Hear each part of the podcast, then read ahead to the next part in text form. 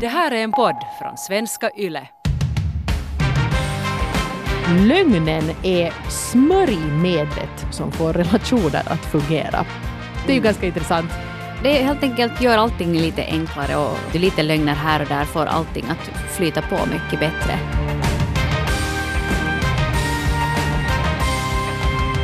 Jo, jo, jo, jo, jo. Idag ska vi prata om att ljuga.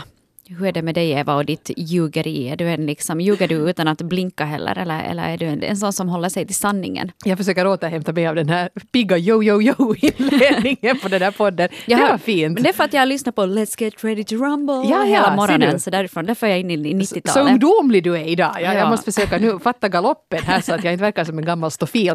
Jo, jo, på dig också.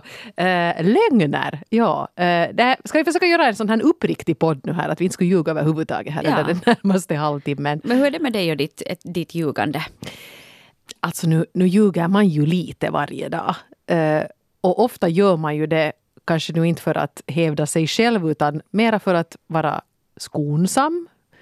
Eh, jag måste nog erkänna att jag säkert ljuger ganska mycket för mina barn till exempel. Men jo, en av mina standardlögner det är ju det här med att när man kommer hem och har köpt någonting och min man undrar vad den kostar så brukar jag kanske ibland skära av några procent så att det ska verka som ett större fynd än det nu egentligen var.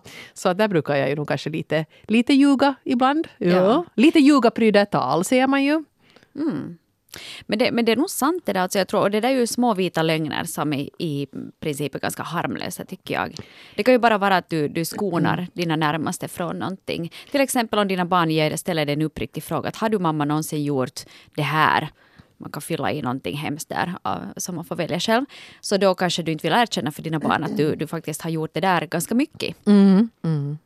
Ja, nej, nej ni kom med storken. Precis. Ja. Nej men det där är sant och jag menar sen mycket sånt här också som eh, Ibland kanske de undrar vart någon hemsk liten plastleksak som jag trampar på en natt när jag ska gå på tuppen, vart den har tagit vägen och om jag vet var den är nu. Och då säger jag att nej, jag vet inte alls. Det är nog säkert inte så att någon har slängt den i roskisen i vredesmod. Nej, nej. Det- Sånt händer inte. Ja, nej. Jag har packat ihop det och satt det i källaren. Där jag sparar alla dina teckningar. Men samtidigt, jag menar, nu förstod jag ju när jag var liten när mina föräldrar ljög för mig och, och också förstod jag genast den här premissen att nu ljuger de så att jag inte ska bli ledsen. Jag minns en gång när jag var liten och vi var på en Sverigebåt och vi var upp på däck och jag höll på att härja omkring där och mitt i allt så for en vindpust iväg med min lilla Pippo som blåste ner i havet och försvann. Och jag blev ju hemskt chockad över det här. Inte var det nu kanske så att min salighetssak numero uno, den där pipon, men i alla fall det var min pipo och den for iväg.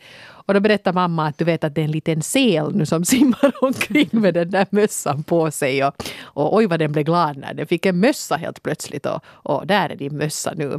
Och nu förstod jag ju att det inte var så. Men, men i alla fall, det var en trevlig liten lögn som gjorde mig på bättre humör. Jag blir på bättre humör eh, den här dagen också av att tänka mig en, en sel med en liten pippo på huvudet. En rosa randig Pippo med tofs. Ja. Jättegulligt. Ja, gulligt som helst. Kan vi komma Kanske det inte var en lögn, kanske det stämde. Nej, en vinter på havet så kan det vara bra att ha. Ja. Jag måste säga att jag, jag tycker att jag, har, jag ljuger betydligt mindre nu än vad jag gjorde förr. Jaha. Jag tycker att i vuxen ålder så jag orkar inte riktigt hålla på med det här ljugande. Eh, Men det menar jag inte kanske just att du försöker komma undan vissa lätta vardagliga situationer om någon har färgat håret och klippt det så att de ser ut som de skulle ha sovit på en avstjälpningsplats. Så kanske jag, och de frågar att "Nå, att vad tycker du om det? Så kanske jag inte säger att det här är det snyggaste någonsin. Eller jag kanske inte kommenterar det överhuvudtaget. Vet, det är sådana här saker där man märker att någon kanske blir ledsen om du säger sanningen. Men Då kan man ju åtminstone lite dämpa sig. men samtidigt så tycker jag också att det kan vara bra att vara ärlig. Att om, ska säga till exempel på jobbet, att någon kollega frågar mig vad tyckte du om det här som jag gjorde? Och jag inte tyckte att det var speciellt bra, så säger jag ju inte att det var det bästa jag någonsin har hört. Utan jag kanske säger att okej, att jag lyssnar på det.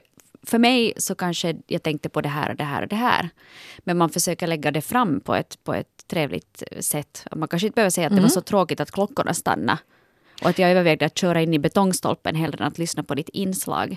Okej, no, det har inte hänt. Så dåliga är inte inslagen, inte ens de sämsta. Nej, men vet du, Det var, nog, det, det, det var nog dåligt mixat då. Ja men, ja, ja, men det kan... Dåliga fejder. Ja, men alltså, där kan det ju vara vet du, att, man, att du kan också använda den där möjligheten att säga någonting som behöver sägas. Men du kan ju säga det på ett vänligt sätt ändå. den devisen jag har försökt gå efter när jag har, har jobbat här, nu är jag ju liksom i princip ledig, eh, utom när jag poddar, då, men att, att om man är generös med beröm när beröm är förtjänt, och det är det ganska ofta för det är duktiga människor vi jobbar med, så är det också lättare kanske sen att, att ta upp en negativ grej. Att det här, här reagerar jag lite på. Om man liksom har stärkt den där kollegan i att, att du gör ett himla bra jobb, då ska man inte liksom ljuga och överdriva och, och liksom smickra utan att det är motiverat. Men, men i alla fall att man har en sån här eh, kontinuerlig feedbackkultur på något sätt. Mm, men då blir det ju, då sportar du ju ärlighet rakt igenom. Att du berömmer då det, du tycker någonting är bra och sen kanske ger konstruktiv kritik då det inte var lika, Precis. lika lyckat. Uh, hur är det sen med sådana större lögner? För jag menar, vissa människor ljuger ju i princip om, om vad som helst och hur som helst. Och, och, och jag tänker att, att, att man kanske i sitt parförhållande ljuger om saker. Man kanske har varit och hånglat med någon på julfesten. Men man säger inte här. Det är ju i princip att ljuga. Eller åtminstone undanhålla någon sanningen. Där börjar man ju lite vara på gränsen, tycker jag, att det är ganska fel och det är ganska fult också. Det är ganska elakt.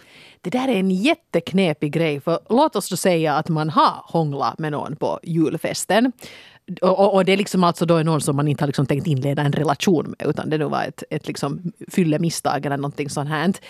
Delvis är det där en jobbig lögn att gå och bära och man kanske tycker att partnern skulle, borde få veta det för man vill inte gå och panta på en sån här hemlighet. Å andra sidan, gör det någon nytta att berätta det här annat än att man själv då har varit uppriktig och lite bra om man säger det till sin partner. Ofta gör man, ja, man gör ju det för att lätta sitt eget dåliga samvete oftast. Och då är det kanske nästan lite sådär att nej, men den här lögnen får du nu gå omkring och, och, och dras med och, och ha dåligt samvete. Rätt åt dig, varför gjorde du sådär? Uh, en svår balansgång där. Och det måste man ju ta från fall till fall och från relation till relation. Att vad är det rätta att göra där? Men det är ju nog jobbigt när en sån här lögn på något sätt blir liggande i systemet. Och sen att ju längre tid det går, eh, desto svårare blir det att klämma fram sanningen sen då i något skede också. Att om du en gång har dragit till med en riktig redig lögn som kanske skulle kunna klassas som svek, så, så då måste man nästan säga det direkt eller sen forever hold your peace. Men där är det ju bra, just det här exemplet som du nu tog upp här, men att om, om man i sin relation kan på något sätt definiera att var tycker man att att gränserna går för hur mycket man vill veta. Att jag har nog någon gång liksom frågat min man, och vi har ju nu varit tillsammans i, i väldigt många år, att är det nu liksom faktiskt så att du inte en enda gång under alla dessa år har kanske sett en person som skulle ha väckt den där tanken att oj, att skulle jag inte vara upptagen så skulle det där ju kanske kunna vara. Och, och han sa att no, no, nu har det nu säkert hänt. Inte kom han nu liksom på något exempel. Men jag tyckte det var bra, då vet jag det. Men jag vill inte veta mer än det. Mm. Jag tycker det ändå är helt sådär på något sätt trösterikt för att kanske om man själv nu någon gång har haft, fått upp ögonen för någon utan att agera på det. Och det så att ja, det där är nog en härlig karl. Att det är nog, skulle vi vara singlar nu båda två så skulle det här kunna bli till någonting. Tycker det är något fel i att göra den observationen om man inte sen går vidare med det. Men man får ju lite dåligt samvete. Hui, nu tänkte jag så här. Men om jag vet att min man nog kanske har tänkt i de där samma banorna så då är det ju ändå okej. Vi är ju liksom människor.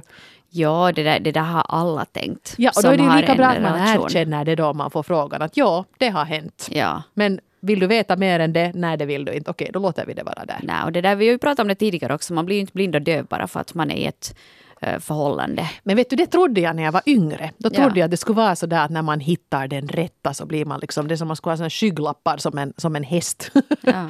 att man aldrig, aldrig ser åt någon annan längre. Jag tycker nu ändå när man börjar vara lite, lite mognare, utom du som säger jo, jo, jo. så kanske man också inser det här att, att det är hemskt naturligt att lägga märke till också andra personer. Och det behöver inte vara en stor och laddad livslögn för det. Mm. Jag tycker, som jag sa, jag tycker jag ljuger mindre nu för tiden än vad jag gjorde förr. Inte Men hurdana lögner var det? Du- det, det, kanske, det är inga stora lögner, men vet du sådana små lögner lite för att komma undan, lite för att kanske ge en bättre bild av sig själv eller lite ka- kanske att "Nå, inte har jag gjort det där fast man egentligen har gjort det. Men nu har jag märkt eh, med, med åren så har jag blivit betydligt mer ärlig för att jag märker också med det att om jag säger så som det är så folk förstår betydligt mer än vad jag tidigare har trott att de gör. Och jag tror att man inte ska underskatta sin omgivning heller. Att om du har någonting svårt eller knepigt och det kanske är lite svårt att klämma fram och du vet inte hur du ska ta dig ur det. Så där brukar jag leva enligt devisen If you don't know what to say, try the truth. Mm. Det vill säga att om du inte vet vad du ska säga, testa sanningen. Ja. Och jag tycker att det här funkar väldigt bra. Och om man är ärlig och, och säger så som det är så brukar ofta människan mitt emot en ta emot det här på något sätt. Och sällan är det det som folk du säger upp kontakten och tycker att man är världens avskum. Utan folk förstår nog egentligen ganska mycket. Så därför skulle jag vilja slå ett slag för det här att, att våga vara lite mer ärlig. För att eh, jag tror också att det skapar ärlighet i den andra ändan och sen kommer man liksom in i en, en bra flow. Ja, och den devisen jag kanske levde med här på jobbet när jag var yngre var ju fake it till you make it. För man ville ju inte att man skulle bli avslöjad som en som om man hade missat någonting, ja. herregud, någon jättestor popartist som jag bara liksom inte hade dykt upp på min radar, så satt jag ju ändå på musikmöten och var så att ja, ja, alltså det är nog, det är nog grejer det här att liksom, ja. Uh. ja. Men jag har börjat göra istället till exempel, vi har något morgonmöte och de säger att ja, att alla pratar om ja, den här grejen som alla pratar om. Och så frågar jag fast, men, men vad, vad handlar det här om? Att jag har missat det här. Ja, men det är jättebra. Och så märker jag att några andra också säger att jag inte, inte vet riktigt jag heller. Ofta att, blir många mm. bara glada över det där och jag menar man missar grejer. En del saker kan man, andra har man inte hört talas om. Det är också hemskt naturligt. Och ja, faktiskt, där tycker jag nog att uppriktighet brukar löna sig. Mm. Sen om man varje möte sitter och säger vad är det här Aleppo, var ligger det? Ja. på Filippinerna. Så då kan, kanske man lite kan försöka. Man kan googla en stund då i så fall. Ja, en liten snabb googling under bordsskivan. Det, kan, det är ju inte så farligt. Var ligger Aleppo?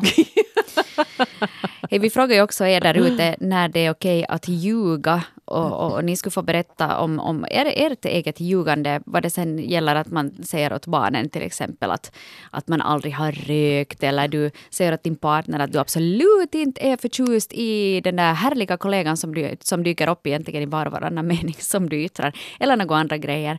Och, och vi har fått in äh, många fina berättelser som egentligen tycker jag behandlar de flesta områden där ljugande lätt sticker upp sitt lilla huvud. Ja, för det är, ett, det är ett spretigt ämne det här insåg vi när vi läste era berättelser. Mm. Mm. Det här med att alltid säga sanningen så det är ju kanske inte riktigt bra. Så, så skriver i alla fall signaturen 47 år.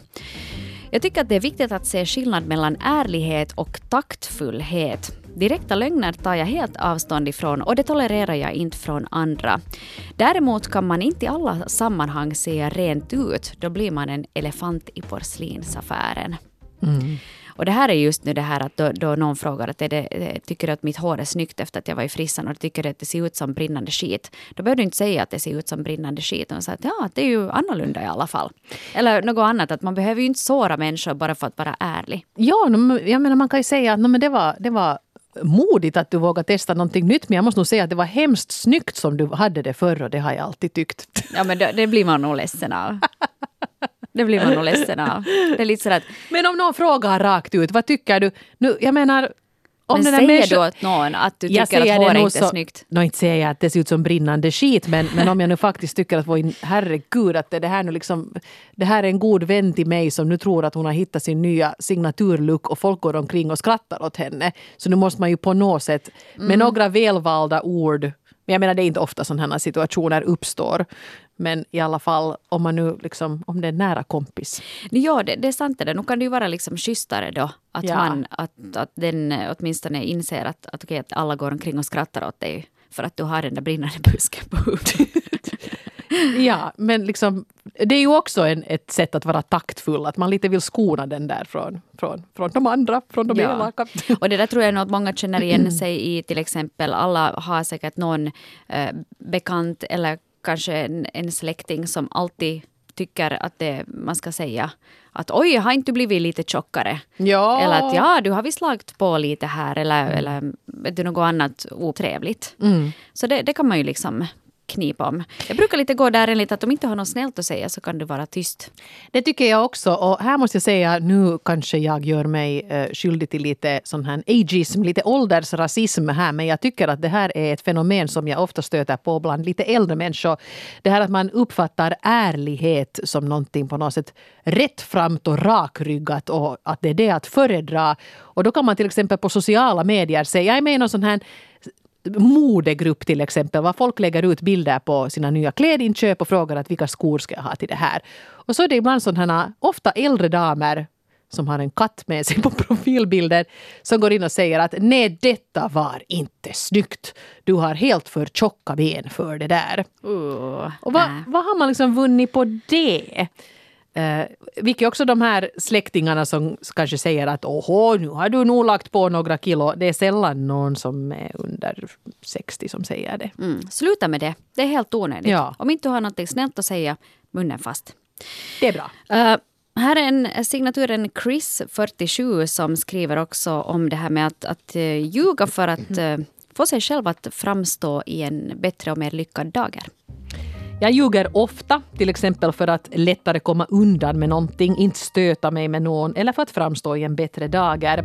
På det sättet är ju mitt ljugande rätt harmlöst. Det får så gott som aldrig några konsekvenser för någon annan än mig, mig själv. Jag inbillar mig att lögnerna skapar en någorlunda polerad fasad på fuskbygget som är mitt liv. Kanske kunde man bunta ihop alla mina osanningar och definiera dem som en livslögn, men det skulle nog vara att ta i. Jag försöker inte ge ett sken av att vara förmögen eller framgångsrik, så bra ljuger inte ens jag, men vill uppfattas som en typ som uh, är okej. Mina värsta mardrömmar är när någon petar på mitt korthus och allt faller samman. I de här drömmarna gör man det ändå för att hjälpa mig men jag blir fruktansvärt arg och skamsen, liksom påkommen med lögnen. Mm. Intressant. Eh, jag får lite känslan här av att Chris, 47, ju nog har lite svårt med de här lögnerna. Fast de tycks slinka ut ganska sådär hipp som happ och, och det inte var några stora grejer. Men om man till och med drömmer om det på nätterna så är det nog någonting som kanske plågar en. Mm.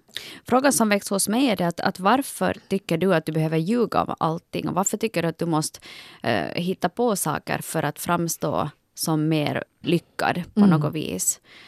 Jag, jag, tänker att människor som känner en så nog, nog, folk är inte dumma i huvudet. Nu kan man ju läsa mellan raderna också.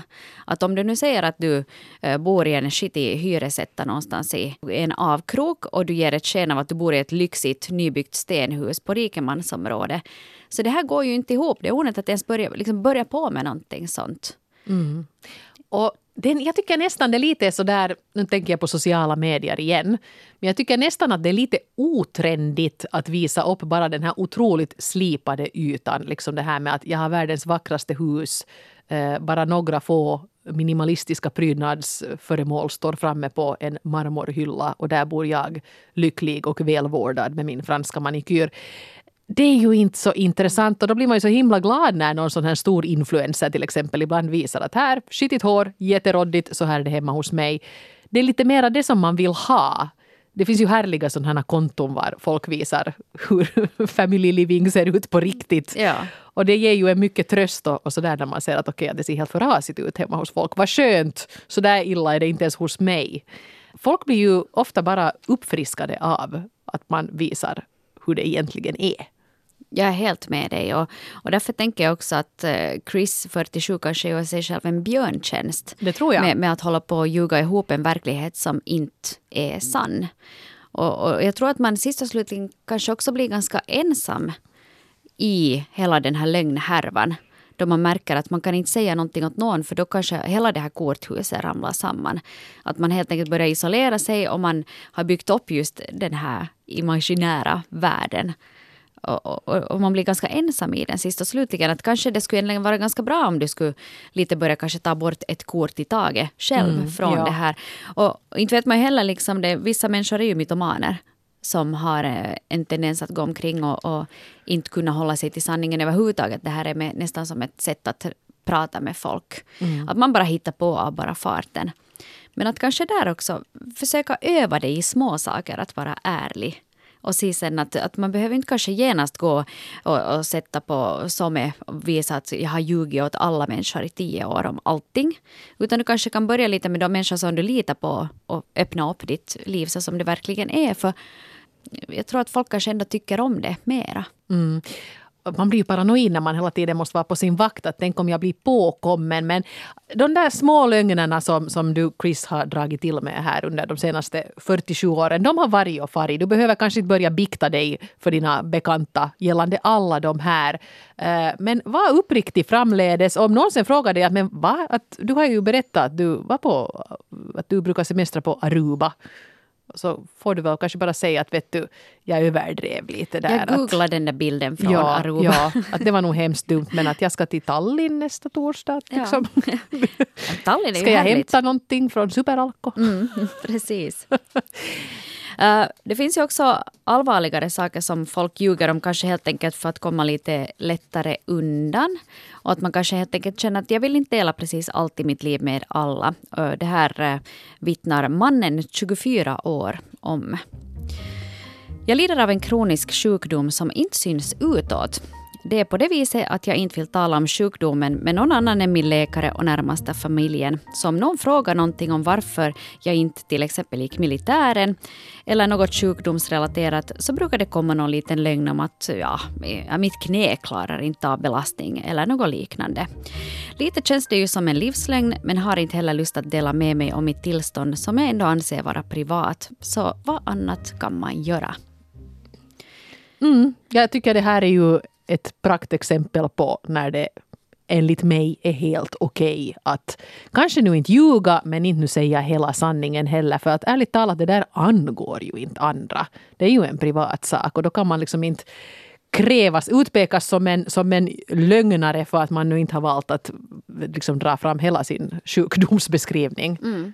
Och sen kan det också vara, jag har en, en bekant som, eh, eller en god vän till mig som lider av en kronisk sjukdom och hen eh, brukar inte lyfta fram det här eh, i sammanhang. Helt enkelt för att hen tycker att, att, det lätt, att man lätt blir eh, kategoriserad som den där sjuka, den som har det där och det, det där. Förstår jag, ja. och, och, då blir det lätt liksom att det alltid börjar handla om den där sjukdomen. Att nå, hur är det nu med det och hur mår du och bla bla bla. Och hen vill inte alls prata om den där sjukdomen för att det blir inte bättre av att man sitter och ältar det. Mm. Och där tycker jag också att det, det är helt jätteokej och det är helt befogat att inte berätta om det. Eller sen kanske dra till med någon, någon vet att man är lite förkyld för att man är i risigt skick eller något annat. Eller ponera att du ständigt får den här väldigt fräcka frågan när ska ni skaffa barn då? Och sanningen är att ni har gått på hormonbehandlingar i fem år och gråtit och sörjt och det inte riktigt liksom vill bli till någonting. Men du istället väljer att säga att, att, att vi, vi har så hemskt mycket på jobbet just nu och vi har så roligt på tu hand. Jag menar det så förståeligt att man drar till med en, en liten lögn i en sån situation. För att på riktigt, det angår inte den andra. Eh, när man känner att man vill berätta och med dem man vill berätta det här till så, så då gör man ju det. Men, men sanningen ska man nog få lite justera. Det är inte något fult i det, tycker mm. jag i alla fall. Ja, Um, det, det, här tyckte jag var också en, en bra aspekt. Uh, signaturen Banan, 17 år, som skriver Jag vet helt ärligt inte uh, varför jag ljuger. Det är lätt för mig att dra till med lögner ibland när jag vill vara alla till lags. Och det här har sen lett till att jag är lite olika varianter av mig själv eftersom jag har anpassat mig efter andra. Jag gör det här mindre nu än tidigare men jag har ändå känslan av att alltid vilja vara alla till lags. Eh, så där tror jag exakt att jag gjorde när jag var 17 också. Ja, det är inte så konstigt för att man vill passa in och man vill inte vara den där besvärliga eller man vill inte vara en med avvikande åsikt. Man, det är väldigt viktigt att passa in i den åldern. Så på det sättet mm. är det mm. inte något konstigt alls med det. Och att vara olika varianter av, av sig själv. Jag tror inte att jag själv riktigt hade det klart för mig vilken variant som var den riktiga jag. För att den kanske inte existerar då ännu. Jag skulle nästan säga att det är nu de senaste fem åren som jag börjar vara så där och jag, alltså jag är ju snart 40, som jag har börjat vara ganska på det klara med vem jag är och mm. vilken variant som är den riktiga. Ja, inte vet jag. Man har ju också lite olika varianter av sig själv. Man är ju lite av en kameleont. Eller åtminstone kan jag själv känna igen mig i det där. Att man anpassar sig enligt sammanhanget, stämningen, de människor som är där. Och det kanske också kan kallas för social begåvning. Att det Exakt, behöver inte nödvändigtvis vara någonting dåligt heller. Nej, inte tycker jag ju det. Jag såg här eh, en bok som jag inte har, har, läst, men jag läste en recension av, av det. Per Granqvist har skrivit en bok som heter Lögnarna. Men jag tyckte det här var en, ett ganska bra sätt att sammanfatta det hela. Han har då sagt så här att lögnen är smörjmedlet som får relationer att fungera. Det är ju ganska intressant. Till exempel en, en vanlig grej. En kompis till dig är jätteupp i varv och ska dra en rolig anekdot och frågar inte har jag sagt det här förr. Uh, sanningen är bara åtta gånger. Men man vill ju inte såra det utan man säger nej, nej, vet du, jag minns inte, berätta, berätta. Och om man ska sitta i ett sällskap då och alla är medvetna om att nu kommer den här vanliga anekdoten och ändå bestämmer sig för att vara sanningssägaren och vara så att alltså du drar den här storyn varje gång vi ses. Så då blir ju folk sura på den här sanningssägaren. Mm. Att det bara är bättre att man lite, lite ljög nu där då Ja. och spelar med. Jag tror nog det. Och det stämmer säkert på många relationer det här med att det är ett smörjmedel. Det helt enkelt gör allting lite enklare och det där är också kanske lite social begåvning. Att vet du, lite lögner här och där får allting att flyta på mycket bättre. Så inte säga någonting illa i det, Nej, tycker jag det heller. Sista ju slutligen. precis, det är att vara en, en, en trevlig människa helt enkelt. Hej, Det här med att ljuga på jobbet, så, så det har vi också fått höra berättelser om. Vissa verkar hämningslöst dra till med det ena och det andra på jobbet. Medan till exempel signaturen Maria säger att hon aldrig skulle ljuga på jobbet. På jobbet där ljuger jag aldrig eftersom jag vinner absolut ingenting på det. Där vinner jag absolut mera på att vara ärlig och då får jag också mera stöd i någonting om så behövs. Jag har en stödjande och bra förman som jag litar på. Jag vet att de inte växer på träd och för att skydda sig själv så kan jag förstå att man ljuger om man inte har en sån förman. Nej, sällan lönar det sig att ljuga på jobbet. Och inte brukar det löna sig att ljuga på arbetsintervjuer heller. Eh, kanske lite överdriva att man nog har hemskt bra koll på det och det och det programmet som man någon gång har varit inloggad i och eh, hela datorn låste sig. Det behöver du inte säga, men i alla fall lögner på jobbet. Alltså risken är nog hemskt stor att, att det avslöjas. Ja. Jag kan nog um, dra till med någon liten lögn på jobbet. Så där ibland, vet du, ibland när man vill komma undan lite eller du kanske har mockat någonting som du inte riktigt vill erkänna att du har mockat uh, Så kan jag kanske dra till med en liten vit lögn att jag inte visste eller jag hade bråttom eller något, något annat sådant. Men jag håller nog kanske lite med om, om med Maria där också att, att om man börjar liksom ljuga och hitta på en massa på jobbet så det kommer ju nog att straffa sig i slutändan. För det finns ju där också folk som gärna hjälper dig. Att är det så att du har det jäkligt körigt en dag att du inte hinner göra det så bra som möjligt så kanske du kan fråga en kollega istället men hej kan du hjälpa mig med det här? Eftersom annars så kommer jag inte att uh, hinna med det här. Så där är ju kanske ärlighet också någonting som ändå varar längst i slutändan. Man skjuter sig själv minst i foten eh, på det sättet. Mm, men som Maria också säger här, eh, en fördel där är ju en, en förman som på något sätt har skapat en sån där kultur på arbetsplatsen att det, det lönar sig att vara uppriktig, alla vinner på det. Men om man har en sån där chef som är hemskt misstänksam och var ditt barn nu verkligen förkylt i måndags när du kom försenat eller något sånt här, då tror jag det också mera skapas en sån där miljö att man, man lite ljuger för att liksom skydda sig själv hela tiden. Så Ja. att jag tror det mycket hänger på chefen. Det gör nog det och liksom arbetskulturen överlag. För där tror jag också att om du, just det här med till exempel vara sjuk. Uh, jag har haft någon gång, vet du, jag har haft det jättejobbigt. Jag har bara känt att jag liksom klappar ihop. Man får ett så här litet nervsammanbrott på kanske en dag. Då du bara ligger och bölar och tycker allt är skit. Sen kliver du upp igen ur soffan och sminkar om dig och så fortsätter du. Men då kanske, då har jag märkt själv att jag tycker det är lättare att säga fast åt kollegor att ja, att man hade mensvärk eller du hade huvudvärk eller du var lite förkyld. Än Migrän kan man alltid säga, för då, då är det sån här, det är lite elegant sätt att säga att det var därför jag var helt ur spel. Ja, det är en sån här endagskrämpa som inte smittar. Ja. Så du kan liksom komma på jobbet helt vanligt nästan. Du ser lite svullen ut men det, men det är helt okej. Men där är det ju också, jag undrar att varför känns det som så att man inte riktigt kan säga att "Nå, här på jobbet har jag, kan jag faktiskt säga att nej, men jag, jag bara liksom klappar ihop. Jag fixar inte att komma hit för jag bara böla.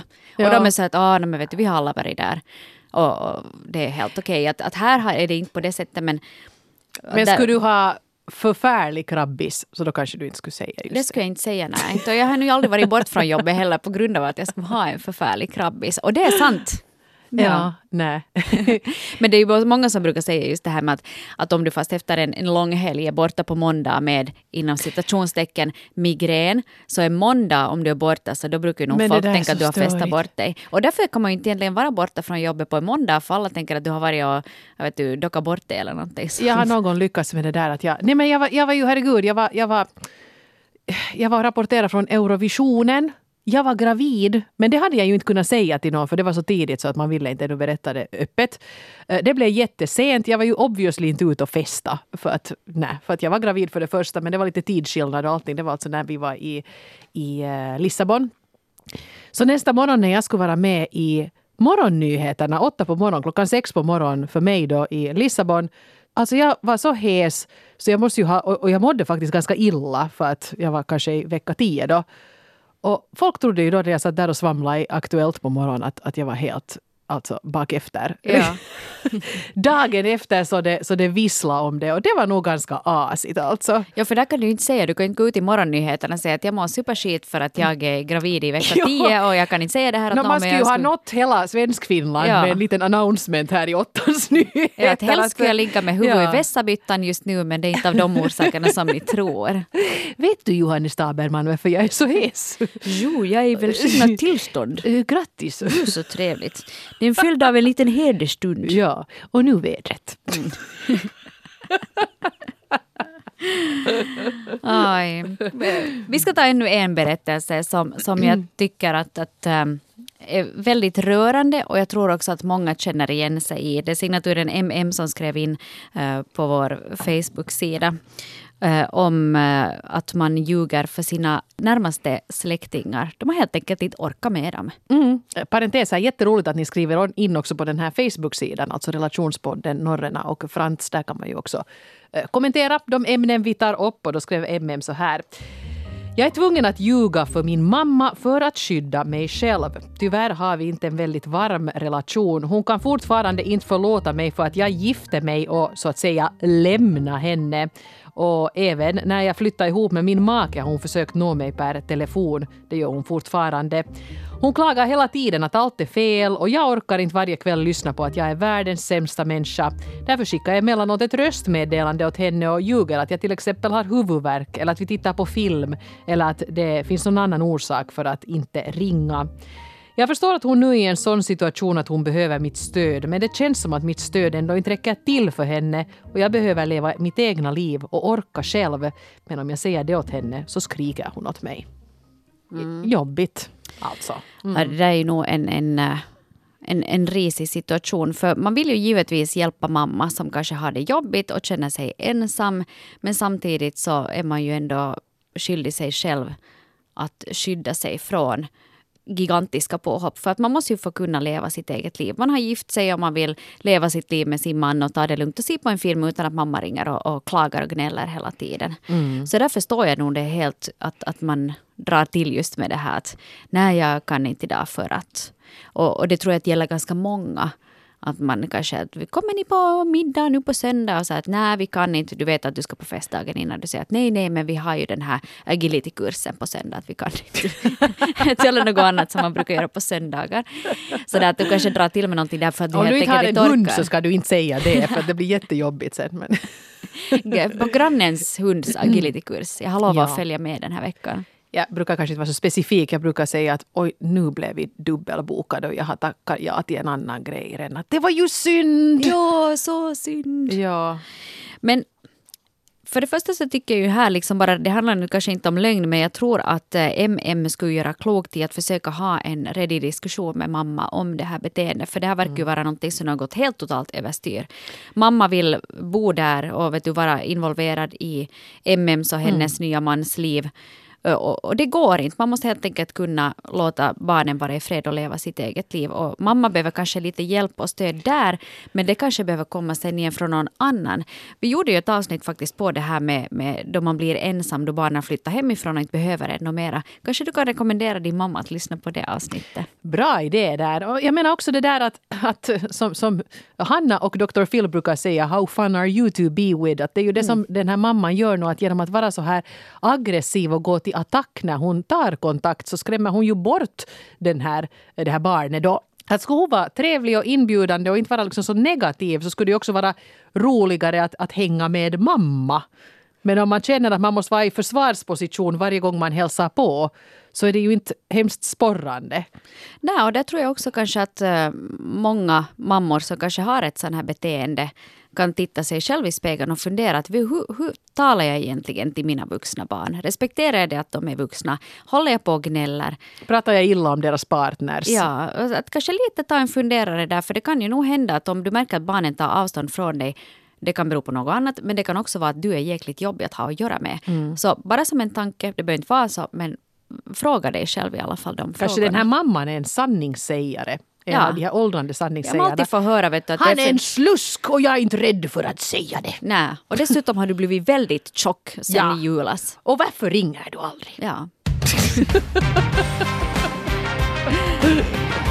Tusen tack än en gång till alla er som har skrivit in. Ni kan mejla oss fortfarande anonymt på relationspodden yle.fi. Ni kan läsa vårt material på svenska.yle.fi och så kan ni givetvis också gå med i vår Facebookgrupp, som du sa Eva, Relationspodden. Norren och Frans heter vi på Facebook. Man kan kontakta oss på sociala medier, följ oss, eh, var med oss, skriv in. Det är härligt att ni är med. Vi hörs igen om en vecka. Ha det riktigt, riktigt bra. Yo, yo, yo, yo, yo, yo! jo, jo. jo.